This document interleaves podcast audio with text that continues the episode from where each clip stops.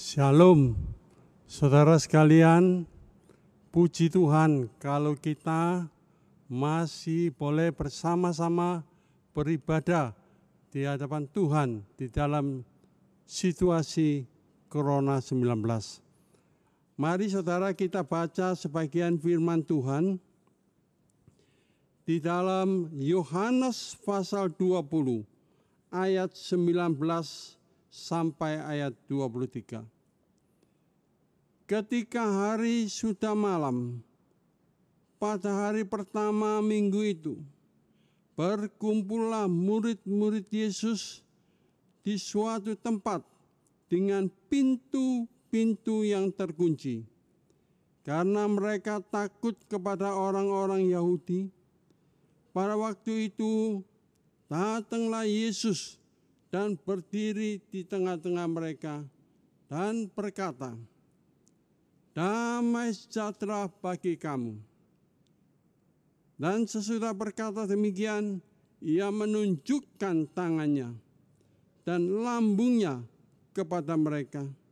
Murid-murid itu bersuka cita ketika mereka melihat Tuhan. Maka kata Yesus sekali lagi, damai sejahtera bagi kamu. Sama seperti Bapa mengutus aku, Demikian juga sekarang aku mengutus kamu. Dan sesudah berkata demikian, ia menghembusi mereka dan berkata, terimalah roh kudus. Jikalau kamu mengampuni dosa orang, dosanya diampuni.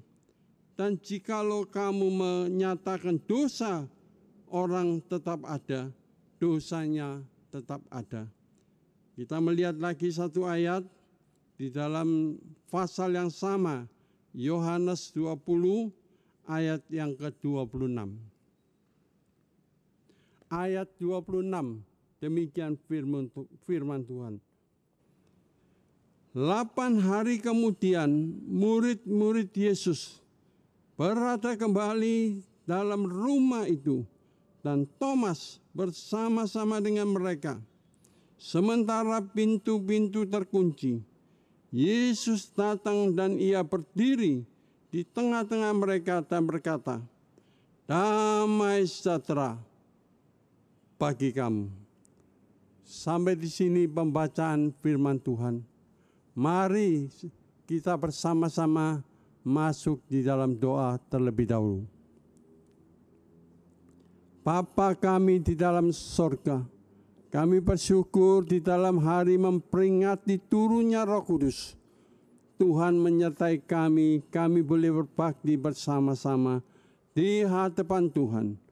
Tuhan sebelum kami melanjutkan ibadah ini, kami mohon kau terlebih dahulu menerangi hati kami, sucikan hati kami, bungkus kami dengan kuasa dalam supaya kami boleh mengerti akan firman-Mu dan kami diberi kekuatan untuk melaksanakan itu di dalam kehidupan dan pelayanan kami. Berkati hambamu yang penuh dengan keterbatasan ini, dimungkinkan untuk menguraikan firman Tuhan yang penuh dengan rahasia, dengan bahasa yang sederhana. Dengarlah seluruh doa kami Bapak di dalam nama Tuhan Yesus Kristus, kami telah berdoa. Amin. Bapak Ibu sekalian, pembacaan firman Tuhan tadi adalah merupakan satu kisah di mana setelah Yesus bangkit dari kematian, menyatakan diri kepada murid-muridnya kita tahu bahwa Alkitab mencatat setelah Yesus bangkit dari kematian, ya bersama-sama dengan murid-muridnya 40 hari lamanya. Selama 40 hari, Yesus sebelas kali menyatakan diri kepada murid-murid kepada para wanita, dan kepada orang-orang kudus. Saudara sekalian, setelah Yesus naik ke surga, Roh Kudus turun.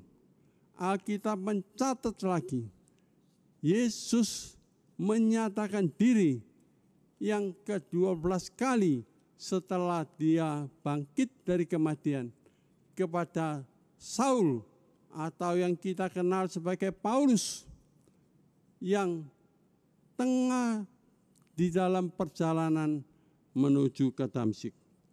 Saudara sekalian, ayat yang kita baca tadi adalah pernyataan Yesus kepada murid-muridnya. Semuanya adalah sepuluh orang. Karena di antara sebelas orang murid ini, Thomas tidak menyertai mereka. Nah, Kemudian minggu yang berikutnya baru Thomas hadir. Yesus menyatakan diri kepada sebelas orang muridnya. Saudara di dalam pembacaan firman Tuhan tadi, Yesus berkata kepada murid-muridnya, dua hal yang sangat penting. Damai sejahtera bagi kamu. Murid-murid di dalam keadaan ketakutan, pintu-pintu terkunci. Pintu-pintu ditutup rapat karena mereka takut kepada orang Yahudi. Tapi justru di dalam keadaan ketakutan itu, Yesus berkata, damai sejahtera bagi kamu. Saudara sekalian, tapi yang lebih penting, Yesus mengatakan perkataan yang kedua. Terimalah roh kudus Saudara sekalian, ini adalah satu hal yang sangat-sangat memberi kekuatan kepada kita. Karena setelah Yesus bangkit, naik ke surga, mengutus roh kudus untuk tinggal di antara kita sampai selama-lamanya. Saudara sekalian, kondisi kita pada saat ini menghadapi COVID-19 seperti juga kondisi murid-murid pada waktu itu. Kita menutup pintu, kita takut keluar, dan lain sebagainya. Tapi pagi hari ini, sekali lagi Yesus menyapa kita. Damai sejahtera bagi kamu. Saudara sekalian, Yesus naik ke surga, mengutus roh kudus datang ke tengah-tengah kita.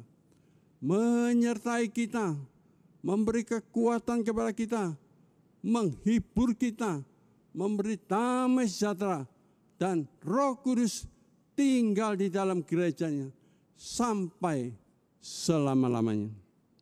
Nah, melalui khotbah yang singkat pada pagi ini, saya akan mengutarakan Alkitab mencatat tiga hal yang penting tentang peran Roh Kudus yang dinyatakan kepada kita semua.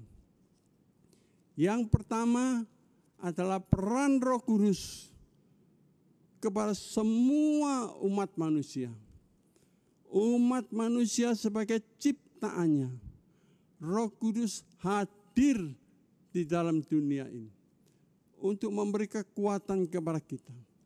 Inilah yang disebut penyertaan Roh Kudus peran Roh Kudus di dalam anugerah Allah yang disebut anugerah umum. Nah, atau dikatakan dalam bahasa Inggris bilang common grace. Anugerah umum. Saudara sekalian, karena di dalam Alkitab mencatat kejadian pasal 1 ayat 1 dan 2 ketika Allah menciptakan alam semesta ini. Di sana Roh Kudus sudah berperan sebagai pencipta. Bukan saja pencipta, bahkan sebagai pelindung umat manusia dan alam semesta ini. Saudara, di dalam Roma pasal 1 ayat 19 sampai 20 mengatakan kepada kita peran Roh Kudus yang pertama yaitu supaya setiap manusia itu menyadari keberadaan Allah di tengah-tengah kita. Roma 1 ayat 19 20 mengatakan bahwa Allah sendiri yang menanamkan benih-benih di dalam hati kita. Benih apa? Ada tiga macam benih yang ditanamkan Allah di dalam hati kita. Yang pertama, di dalam bahasa Latin dikatakan itu adalah semen religio. Apa artinya? Artinya bahasa Inggris bilang the seed of religion. Benih agama itu ditanamkan Tuhan di dalam hati kita. Yang kedua, dikatakan semen fide atau dikatakan the seed of faith. Benih-benih iman Tuhan tanamkan di dalam hati kita. Yang ketiga disebut semen hora. Semen hora ini artinya bahwa benih the seed of prayer. Benih benih doa. Saudara, inilah yang dikatakan oleh Roma 1 19 20 tadi sehingga manusia boleh menyadari apa pun juga kondisinya, Tuhan adalah hadir di tengah-tengah kita. Melalui semua alam ciptaan, kita menyadari bahwa Allah adalah menyertai kita. Saudara sekalian, di dalam situasi Corona 19 ini, kita tahu bahwa sampai detik ini masih belum diketemukan akan vaksin yang bisa mengantisipasi akan virus ini.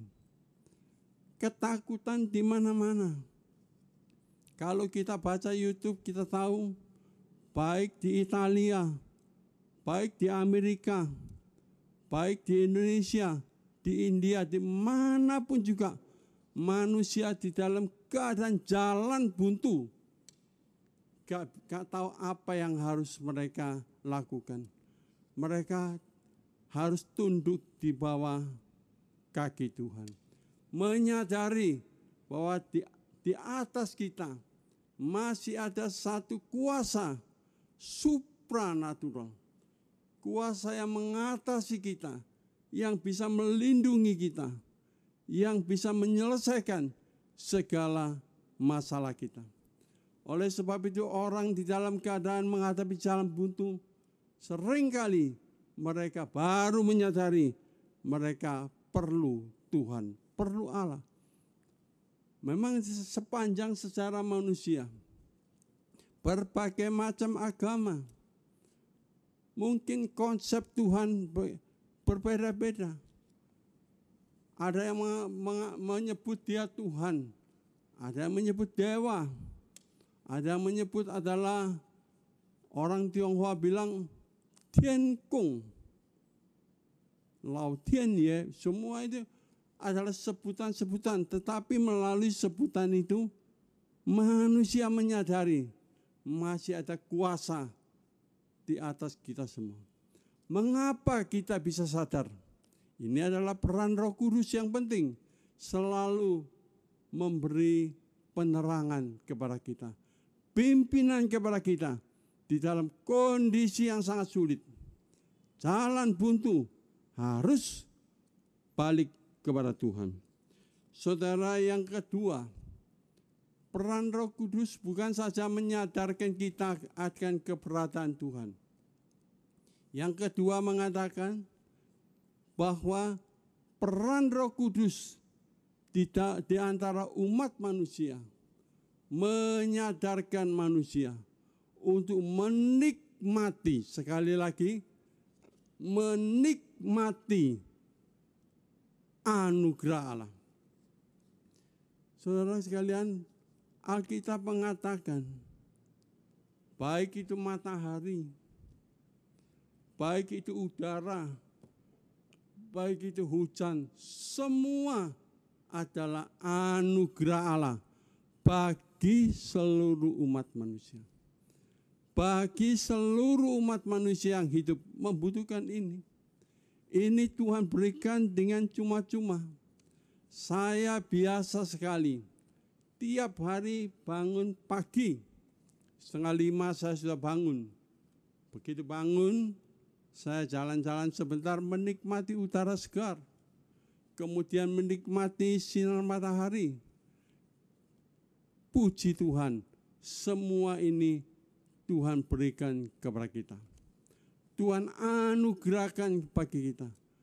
Pernahkah saudara pagi bangun menikmati anugerah Allah? Tapi sebenarnya anugerah ini bukan terbatas dari matahari atau udara atau air saja. Tetapi saudara tahu kita hidup di dalam dunia ini. Kehidupan kesehatan, ketenangan.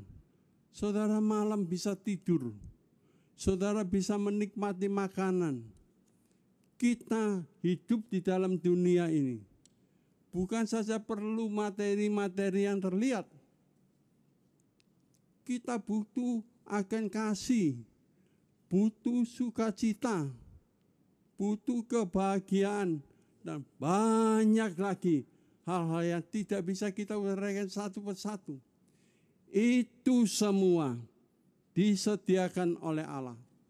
Disediakan oleh Tuhan kepada kita, kepada umat manusia secara cuma-cuma. Sekali lagi, secara cuma-cuma.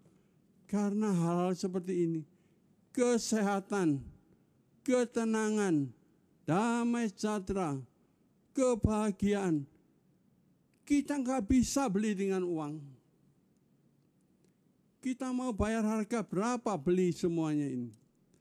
Tapi barang yang tidak bisa dibeli dengan uang. Orang Tionghoa bilang, Jing mai pu tao de dongxi. Artinya dengan uang nggak bisa beli. Tapi Tuhan itu berikan dengan cuma-cuma kepada kita. Nah, bagi kita yang benar-benar mau datang kepada Tuhan, bisa menikmati semuanya. Saudara, menurut catatan yang saya dapatkan, di dalam dua bulan yang baru berlalu, angka kematian yang paling tinggi itu bukan corona, tapi yang angka kematian seluruh umat manusia yang tertinggi adalah penyakit kanker, adalah bunuh diri, adalah penyakit AIDS dan lain sebagainya. Saudara sekalian di dalam kondisi-kondisi seperti gini, manusia telah jauh dari Tuhan maka itu tidak bisa menikmati anugerah Tuhan. Kita kembali kepada Tuhan, baru bisa menikmati anugerahnya. Yang ketiga, saudara sekalian, ini uh, Roh Kudus memberi kekuatan kepada kita, sehingga semua umat manusia sepanjang sejarah mereka semua pasti mengetahui adanya etika moral. Kita orang-orang Kristen, kita tahu Alkitab di dalam keluaran 20 itu menyatakan adanya 10 hukum Allah. Tahukah saudara, semua hukum semua undang-undang di dalam dunia ini, semua negara punya undang-undang, semua negara punya hukum, tapi hukum-hukum itu semuanya mengacu, semuanya didasarkan akan sepuluh hukum. Hukum yang keenam mengatakan kepada kita, jangan membunuh. Kemudian jangan berzina. Kemudian jangan berdusta. Kemudian jangan mencuri. Dan yang terakhir bilang, jangan tamak. Jangan membunuh. Jangan berzina jangan kita uh, mencuri, jangan kita berdosa, jangan kita tamak. Ini adalah semua kelakuan manusia yang melanggar akan hukum Allah, melanggar moral etika yang Tuhan berikan kepada kita. Tidak ada satu negara pun yang membenarkan akan hal ini, walaupun standar mereka berbeda-beda. Mengapa bisa demikian? Karena Roh Kudus yang terus-menerus bekerja di dalam hati manusia. Bekerja apa? Alkitab menegaskan dengan tegas. Manusia butuh keadilan. Manusia butuh kesucian manusia butuh kebenaran. Nah, kebenaran, keadilan, kesucian, tiga hal ini yang merupakan dasar yang kokoh dari moral etika manusia. Maka itu roh kudus terus bekerja di tengah-tengah kita. Yang kedua, saya akan jelaskan bahwa peran roh kudus di dalam anugerah khusus atau disebut saving grace anugerah keselamatan bagi kita orang-orang Kristen. Saudara sekalian, Alkitab mengatakan kepada kita berapa ayat yang sangat penting. Yang pertama di dalam Efesus pasal 1 ayat yang keempat mengatakan sebelum dunia ini dijadikan Allah telah memilih kita di dalam Kristus Yesus Tuhan kita. Yang pertama. Yang kedua dikatakan di dalam Roma 5 ayat yang ke-8 ketika kita masih berada di dalam dosa, ketika kita masih eh, terbenam di dalam lumpur dosa, Kristus Yesus sudah mati bagi kita. Di sanalah kasih Allah dinyatakan kepada manusia. Yang ketiga, di dalam 1 Korintus pasal 12 ayat yang ketiga. Mengatakan jikalau bukan roh kudus yang menggerakkan hati kita, kita nggak mungkin bisa mengaku Yesus adalah Tuhan. Gak mungkin kita bisa terima Yesus sebagai juru selamat. Gak mungkin kita bisa bertobat dan diselamatkan. Oleh sebab itu Alkitab dengan jelas mengatakan Allah Bapa telah menyediakan keselamatan, merencanakan keselamatan yang besar.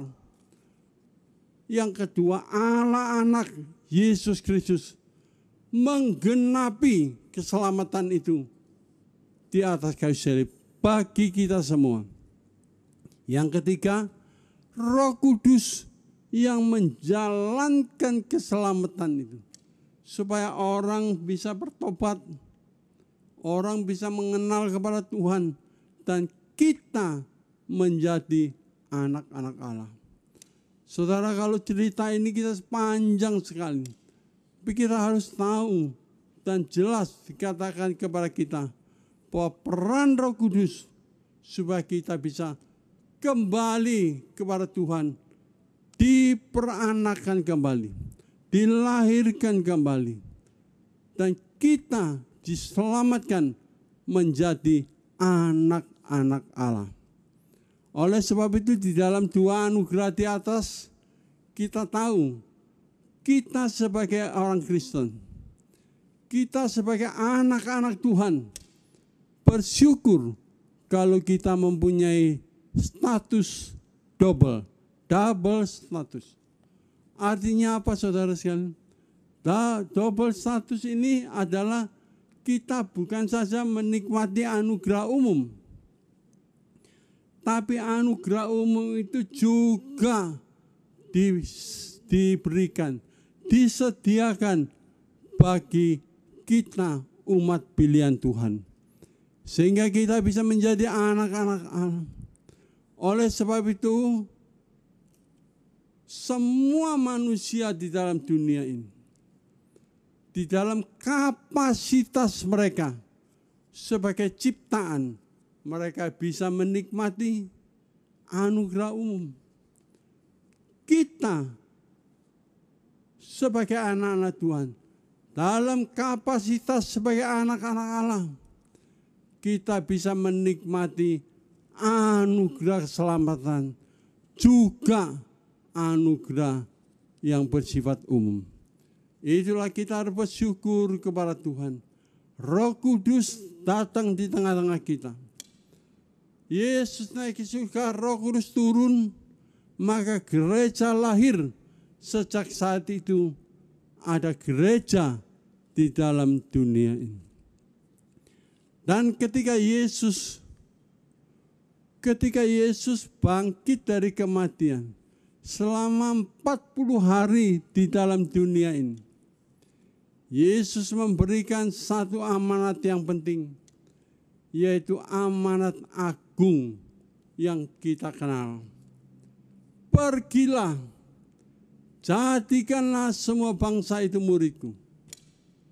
Baptislah mereka di dalam nama Bapa, Anak, dan Roh Kudus. Ajarlah mereka kepada ajaranku. Maka aku menyertai kamu sampai kesudahan alam. Inilah kata Tuhan Yesus. Di dalam amanat agung tiga hal yang ditekankan oleh Tuhan Yesus. Yang pertama adalah penginjilan. Pergilah. Yang kedua adalah pengembalaan. Baptislah. Yang ketiga adalah pengajaran. Ajarkanlah. Saudara, tiga hal ini yang diperintahkan oleh Yesus untuk dilaksanakan oleh gereja. Penginjilan, pengembalaan, dan pengajaran. Saudara, kita tahu di dalam akhir-akhir ini karena COVID-19 melanda dunia. Mau nggak mau, kita semua harus menutup pintu seperti murid-murid Tuhan tadi. Segala fasilitas yang ada di dalam gereja nggak bisa kita bawa ke rumah. Gak mungkin kita bisa kita beribadah di rumah seperti di gereja.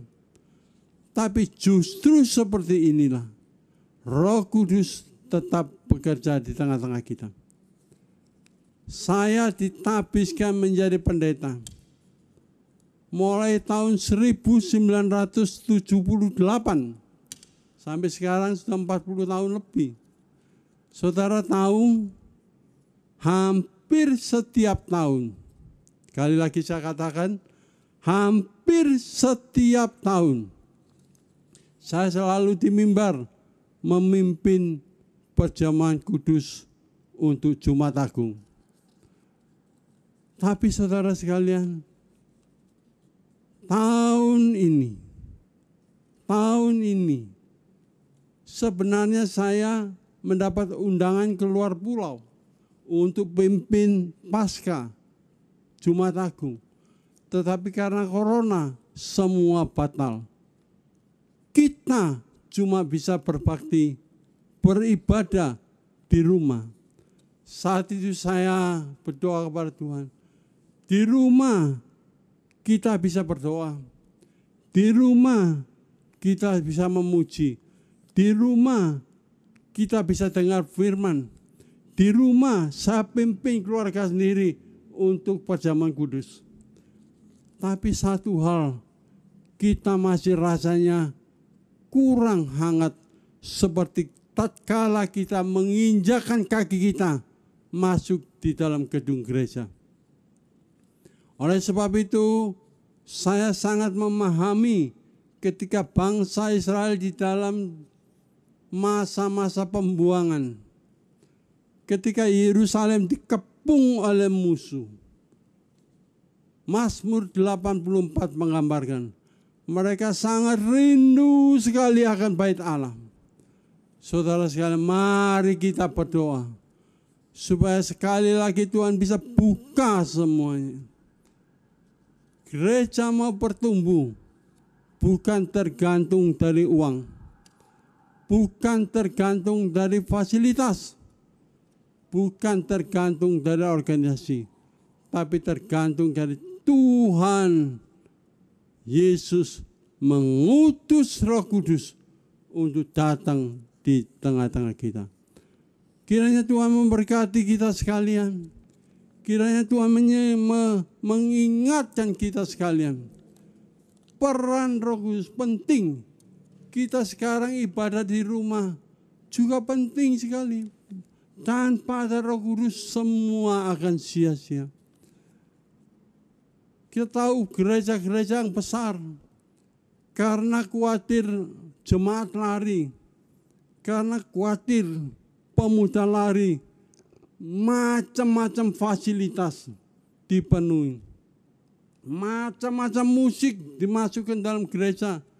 Wah kerasnya luar biasa. Saya pernah datang ke satu gereja khotbah itu, wah musiknya begitu keras sampai saya nggak bisa khotbah. Saya katakan pada mereka, seolah-olah kalau musik keras, Roh Kudus baru datang. Tidak, kita sekarang di dalam ketenangan. Tuhan memberi pelajaran kepada kita Justru Roh Kudus tidak memerlukan ini semua. Yang penting kita punya hati beribadah kepada Tuhan. Kiranya Tuhan memberkati kita. Saya percaya bahwa Corona 19 akan berlalu. Dan kita akan kembali lagi seperti saat-saat yang lalu. Walaupun mungkin ibadah Walaupun mungkin pelayanan tidak seperti dulu lagi, tapi semuanya Tuhan kasihani, Tuhan akan pulihkan. Kiranya waktu kita dipulihkan oleh Tuhan, mari kita ingat perintah Tuhan yang sangat penting sekali. Kita kembali lagi kepada apa yang Tuhan perintahkan di dalam Alkitab penginjilan, pengembalaan, dan pengajaran. Melalui semua ini gereja Tuhan pasti berkembang dan umat Tuhan akan diberkati. Amin. Kiranya Tuhan memberkati kita. Mari kita masuk di dalam doa. Bapa di dalam surga, firmanmu sudah disampaikan oleh hambamu. Kiranya Tuhan terus berfirman kepada kami. Roh Kudus tetap bekerja dalam hati kami. Sehingga kami boleh kembali lagi diingatkan akan amanat agung yang telah Tuhan tinggalkan bagi kami sekalian. Untuk supaya gereja kami makin hari makin bertumbuh sesuai dengan firman Tuhan.